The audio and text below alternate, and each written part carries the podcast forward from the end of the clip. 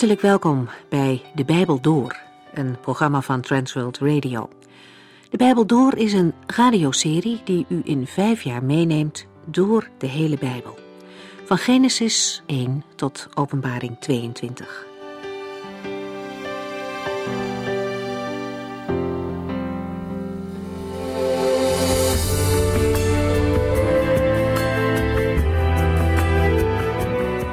We vervolgen vandaag de Bijbelstudie over Matthäus en we gaan verder met hoofdstuk 19. Mag een mens zomaar scheiden? Het is een bijna vreemde vraag tegenwoordig. Duizenden echtparen gaan jaarlijks immers uit elkaar. En dan toch deze vraag. Hij werd lang geleden aan de Heer Jezus ook gesteld. In de vorige aflevering hebben we gehoord hoe hij daarop reageerde. De vraag of mensen zomaar uit elkaar mogen gaan kwam van de Fariseërs.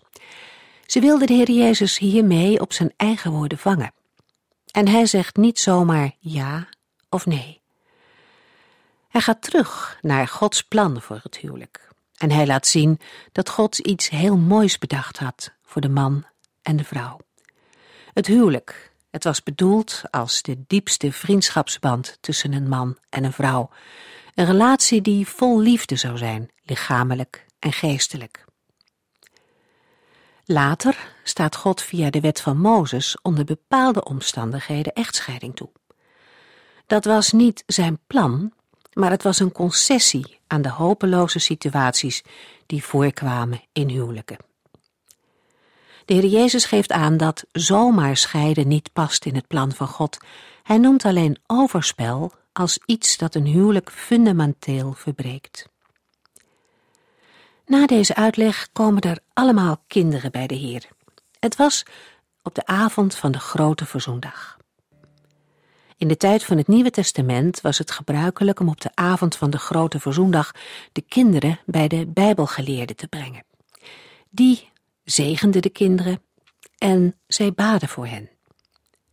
Grote Verzoendag spreekt van een nieuwe start. De zonden zijn vergeven. En de verzoening is eigenlijk nog maar het begin. In het nieuwe leven wil men de weg van God gaan. En de Bijbelleraren leren de kinderen die weg van God. En om die reden kwamen de kinderen op Grote Verzoendag bij hen. En daarom brachten sommige ouders hun kinderen ook bij de Heer Jezus, opdat Hij ze zou zegenen en voor hen zou bidden. De Heer Jezus omarmt de kinderen en zegent hen. Voor kinderen maakt Hij alle tijd en ruimte.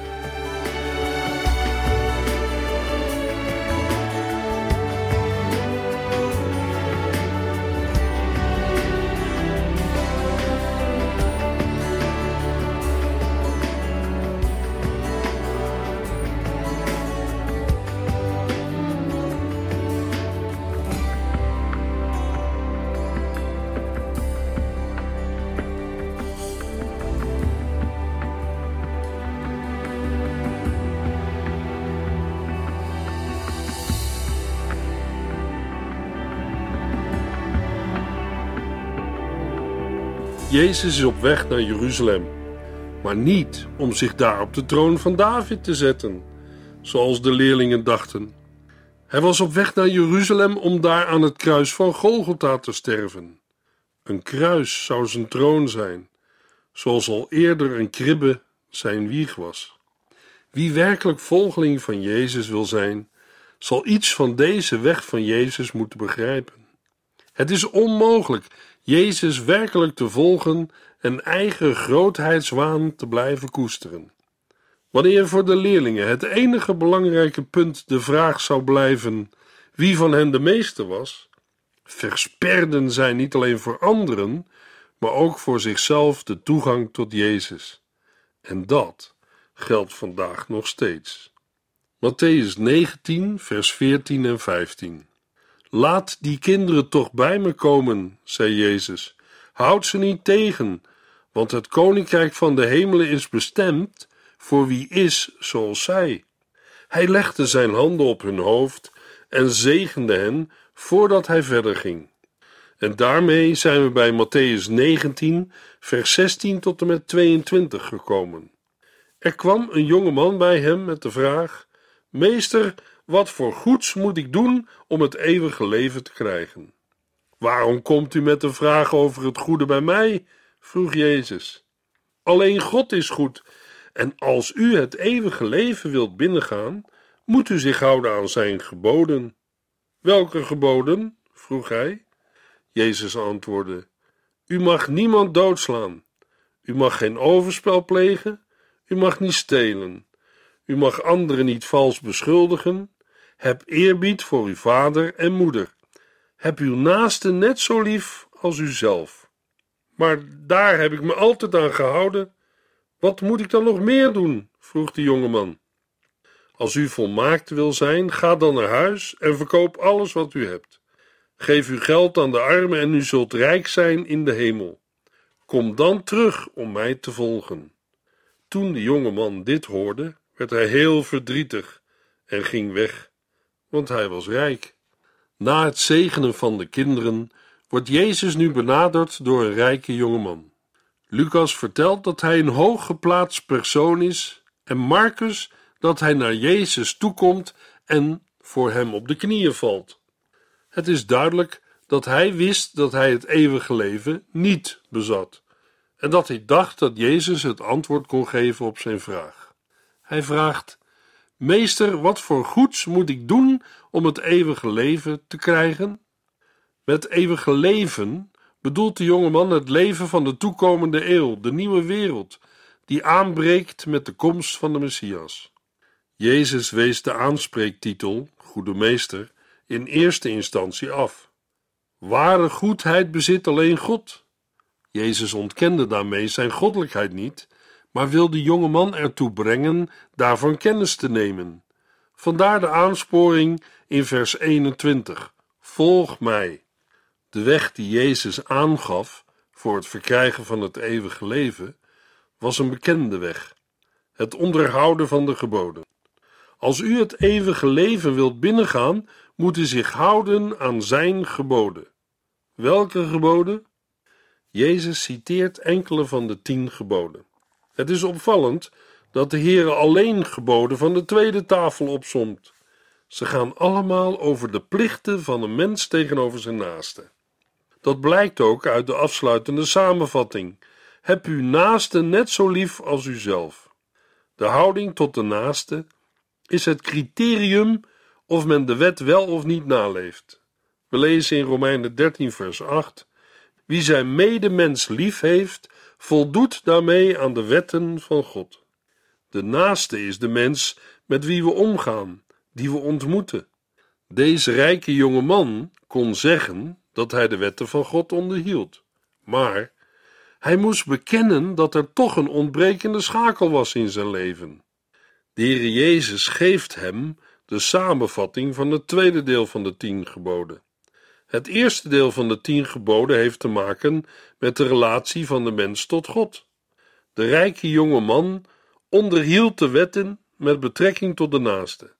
Maar de Heer Jezus laat hem zien dat hij de wetten tot God niet kan onderhouden. De heiland is onderweg naar het kruis. Als de jonge man Jezus volgt, komt hij aan de voet van het kruis terecht. Daar gaat zijn eigen ik eraan. Maar hij ging Jezus niet volgen. Er was iets dat hem in de weg stond en hem ervan afhield. Zijn rijkdom lag als een blokkade op zijn levensweg. Een versperring waar hij niet zomaar omheen kan. En u, luisteraar, het kan ook voor u gelden. Wat houdt u tegen? Ook vandaag zegt de Heere: Volg mij. Bij de rijke jonge man hield zijn rijkdom hem weg bij de Heer Jezus Christus. Ook vandaag zijn er veel dingen die mensen bij de Heer Jezus weghouden. Rijkdom is er een van. Maar er zijn nog heel veel andere dingen. Een mens kan bij Jezus wegblijven omdat hij of zij eigen zonde niet onderkent. Of mogelijk wel onderkent, maar ze niet wil beleiden. Immers, u hoort bij een kerk en geeft iedereen het zijne. Alle kerkelijke hoogtepunten heeft u meegemaakt en ondergaan. Wat moet er nog meer gebeuren? Jezus zegt: Volg mij. Luisteraar, is er iets wat u bij Christus vandaan houdt? Matthäus 19, vers 23 tot en met 26. Jezus zei tegen zijn leerlingen: Voor een rijke is het bijna onmogelijk om in het koninkrijk van de hemelen te komen. Je kunt zeggen dat het voor een kameel gemakkelijker is om door het oog van een naald te gaan, dan voor een rijke om het koninkrijk van God binnen te gaan. Door die opmerking raakten de leerlingen erg in de war. Wie kan dan gered worden? vroegen zij. Jezus keek hen ernstig aan en zei: Menselijk gesproken, niemand. Maar bij God is alles mogelijk. Veel mensen missen de humor die de Heer Jezus soms gebruikt. In de verzen die we net lazen vinden we er een voorbeeld van. Een kameel door het oog van een naald is een hyperbolische uitdrukking voor iets dat onmogelijk is. De rabbijnen hadden soortgelijke uitdrukkingen en spraken over een olifant door het oog van een naald. Dat blijkt ook uit de reactie van Jezus' volgelingen. Wie kan dan gered worden? Dat het oog van een naald een poortje zou zijn, of het Griekse grondwoord voor kameel een verschrijving is en eigenlijk kabel zou betekenen, zijn latere uitleggingen die de scherpte van dit woord willen wegnemen. De Heere heeft het in deze verse niet over een poortje waar een kameel op zijn knieën doorheen moest kruipen. Nee, de Heere spreekt over een echt kameel en een echt oog van een naald. Kan een kameel door een oog van een naald kruipen? Nee, natuurlijk niet. Het grootste dier kan niet door het kleinste gaatje. Maar bij God is alles mogelijk. Veel mensen denken vandaag dat ze worden gered door wie ze zijn of wat ze doen. Maar een mens heeft en kan God niets aanbieden voor zijn of haar redding. U kunt alleen gered worden wanneer u bekent dat u een zondaar bent, een bedelaar in de ogen van God. Net zo min als een mens aan God niets kan doen of betalen voor zijn redding. Net zo min kan een kameel door het oog van een naald kruipen. Wie kan dan gered worden? vroegen zijn leerlingen. Jezus keek hen ernstig aan en zei: Menselijk gesproken, niemand, maar bij God is alles mogelijk. Matthäus 19, vers 27 tot en met 30. Petrus merkte op: Wij hebben alles verlaten om u te volgen. Hoe staat het dan met ons? Jezus antwoordde: Luister, wanneer ik, de mensenzoon, eenmaal op mijn schitterende troon zal zitten, zullen ook jullie op twaalf tronen zitten om recht te spreken over de twaalf stammen van Israël. Ieder die zijn huis, broers, zusters, vader, moeder, kinderen of bezittingen opgeeft om mij te volgen, zal honderdmaal zoveel terugkrijgen. En bovendien krijgt hij het eeuwige leven. Maar vele eersten zullen de laatsten zijn, en vele laatsten de eersten. Petrus vraagt dit niet uit zelfzucht. Hij wordt door de Heer niet terecht gewezen. Het is alsof Petrus wil zeggen: De rijke jonge man verkoos zijn bezit te houden en u niet te volgen. Maar wij, uw leerlingen, hebben alles prijsgegeven. Wat zal ons loon zijn? Wat geeft de Heer Jezus als antwoord? Luister, wanneer ik, de mensenzoon, eenmaal op mijn schitterende troon zal zitten, zullen ook jullie op twaalf tronen zitten om recht te spreken over de twaalf stammen van Israël. Er wacht een grote beloning. Ieder die zijn huis, broers, zusters, vader, moeder, kinderen of bezittingen opgeeft om mij te volgen, zal honderdmaal zoveel terugkrijgen. En bovendien krijgt hij het eeuwige leven. Dat mogen gelovigen vandaag ook verwachten. Wie oprecht in de Heer Jezus gelooft, is gereinigd en geheiligd door zijn offer aan het kruis. Velen, voor ons onbekende gelovigen, beter gezegd heiligen, waarvan niemand ooit heeft gehoord, krijgen de eerste plaats in zijn nabijheid. Maar vele eersten zullen de laatsten zijn, en vele laatsten de eerste. Het zou kunnen dat op die dag vele bekende christelijke leiders voorbij worden gegaan, terwijl onbekende gelovigen door de Heer God worden beloond. Eersten en laatsten spreekt in dit verband over de eerste en de laatste plaats in rang. Jezus vervolgde zijn antwoord aan Petrus en de anderen met een waarschuwende belofte. Het meest geringe en verachte, het ongeletterde volk, kinderen, hoeren en zondaars en zelfs heidenen zullen door hun geloof in Jezus het koninkrijk van de hemelen beërven. Maar zij die zichzelf als waardig beschouwen, zoals de Fariseeën en het Joodse volk in het algemeen, zullen door hun afwijzing van de Heer Jezus buitengesloten worden. Matthäus 20, vers 1 tot en met 16. U kunt zich het koninkrijk van de hemelen zo voorstellen. De eigenaar van een landgoed ging er morgens vroeg op uit om arbeiders te huren voor het werk in zijn wijngaard. Hij kwam met de arbeiders overeen dat hij ze een volledig dagloon zou betalen en zette hen aan het werk. Een paar uur later ging hij er weer op uit. Op de markt zag hij nog meer mannen staan die geen werk hadden. Hij zei dat zij ook in de wijngaard konden gaan werken en dat hij ze zou betalen wat redelijk was. En ze gingen. Om twaalf uur en om drie uur deed hij hetzelfde. Om een uur of vijf ging hij nog eens naar de stad. Weer zag hij een stel mannen die niets te doen hadden. Waarom hangen jullie hier de hele dag rond? vroeg hij. Omdat niemand ons heeft gevraagd te komen werken, antwoordde zij. Ga maar naar mijn wijngaard om de anderen te helpen, reageerde hij erop. S'avonds zei hij tegen zijn bedrijfsleider: Roep alle arbeiders bijeen en betaal hun loon uit. Begin bij de mannen die het laatst zijn gekomen en eindig bij hen die hier het eerst waren. De mannen die om vijf uur waren aangekomen, kregen allemaal een volledig dagloon. De mannen die eerder waren komen werken, verwachten daardoor dat ze veel meer zouden krijgen.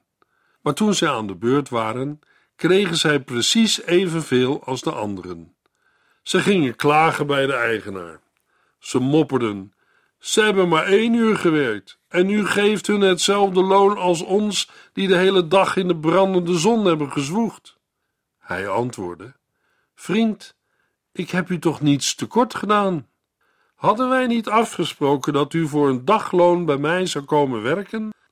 Nu, neem uw geld en ga naar huis. Ik wil u allemaal hetzelfde betalen. Mag ik mijn geld niet weggeven als ik dat wil? Of neemt u mij kwalijk dat ik goed ben? Nu begrijpt u zeker wel dat de laatsten de eersten zullen zijn en de eersten de laatsten. Matthäus 20 opent met de gelijkenis van de werkers in de wijngaard.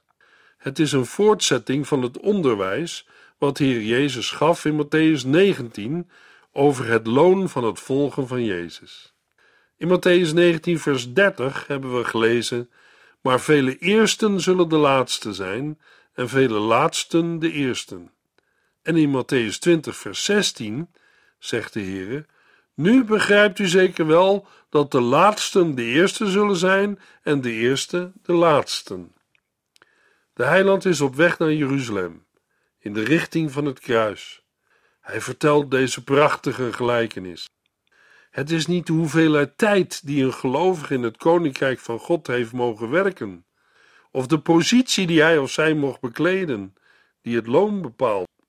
Integendeel, een gelovige wordt beloond voor de inzet en de passie waarmee de taak die God gegeven heeft is gedaan.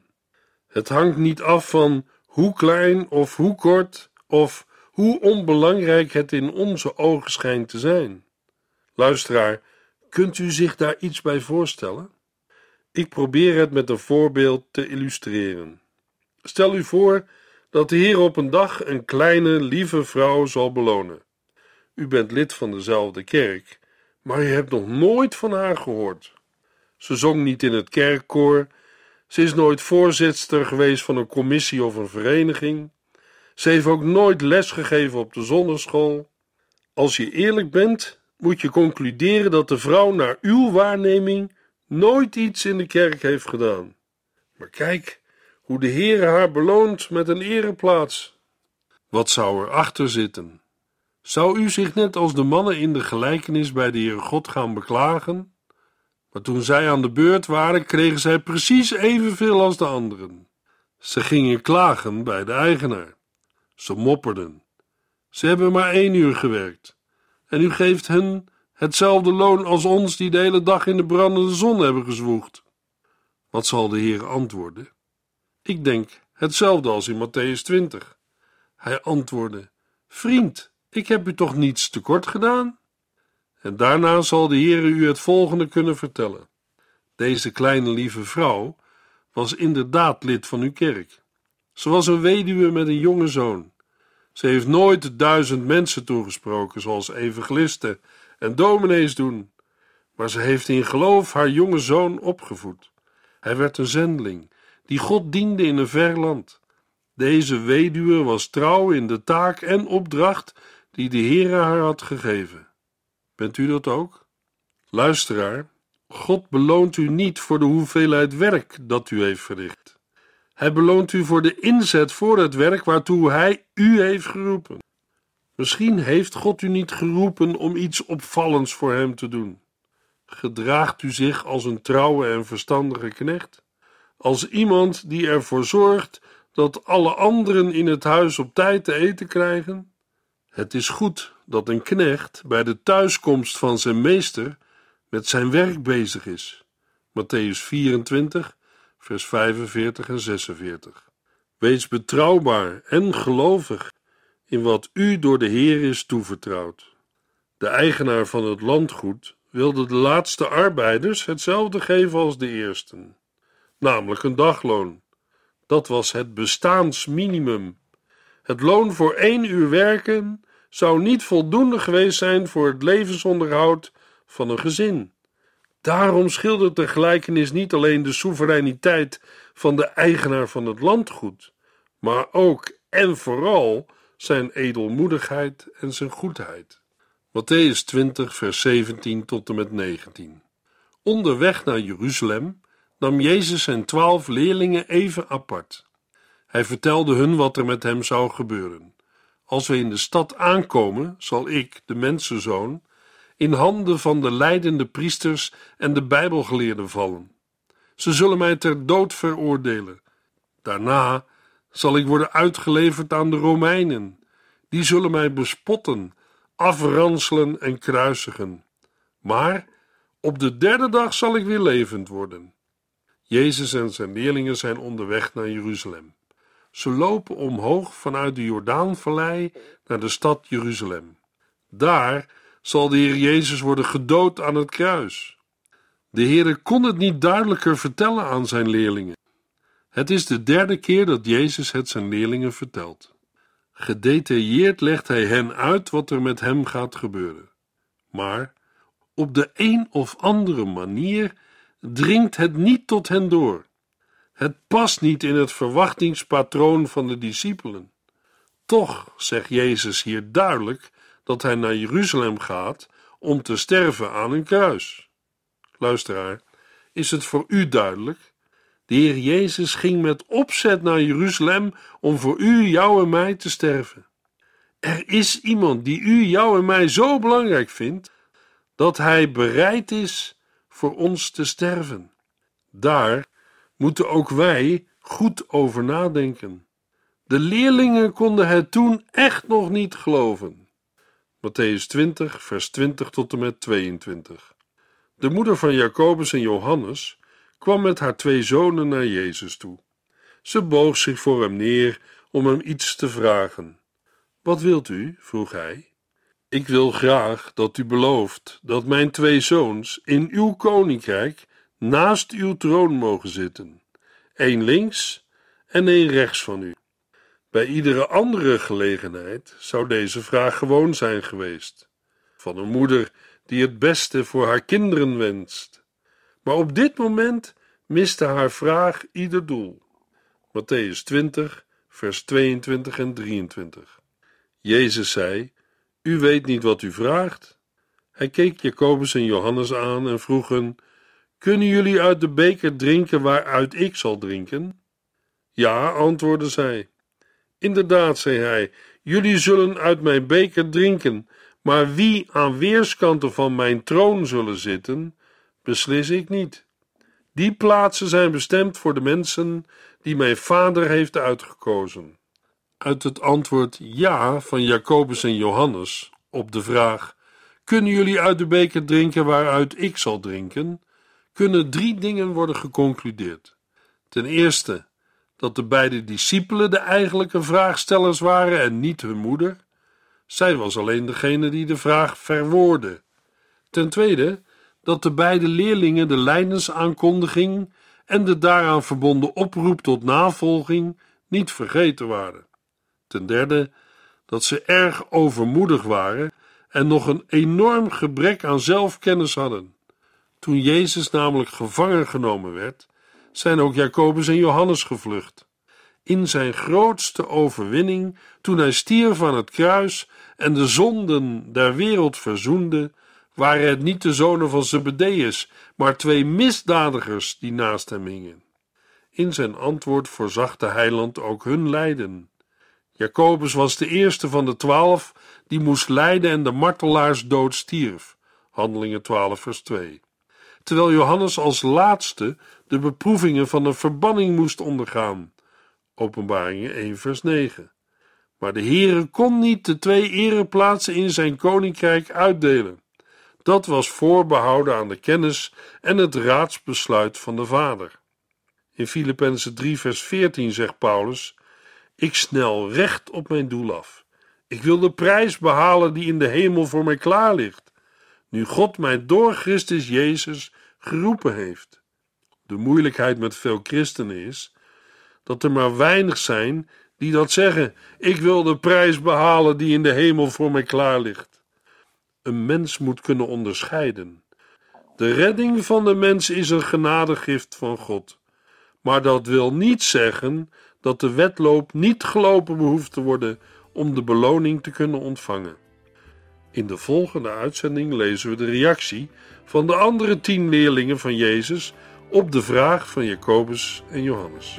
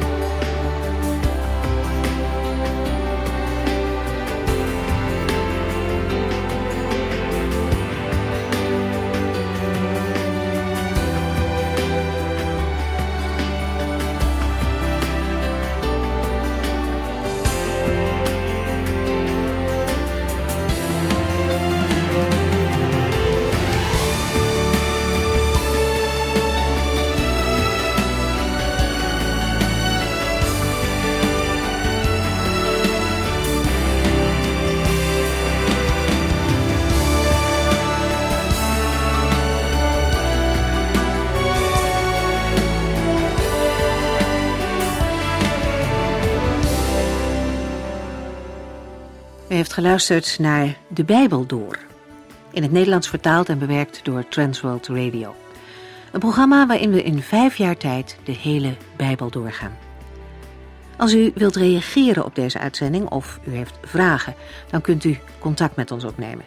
Tijdens kantooruren kunt u bellen op 0342 47 8432. 0342 47 8432. 32.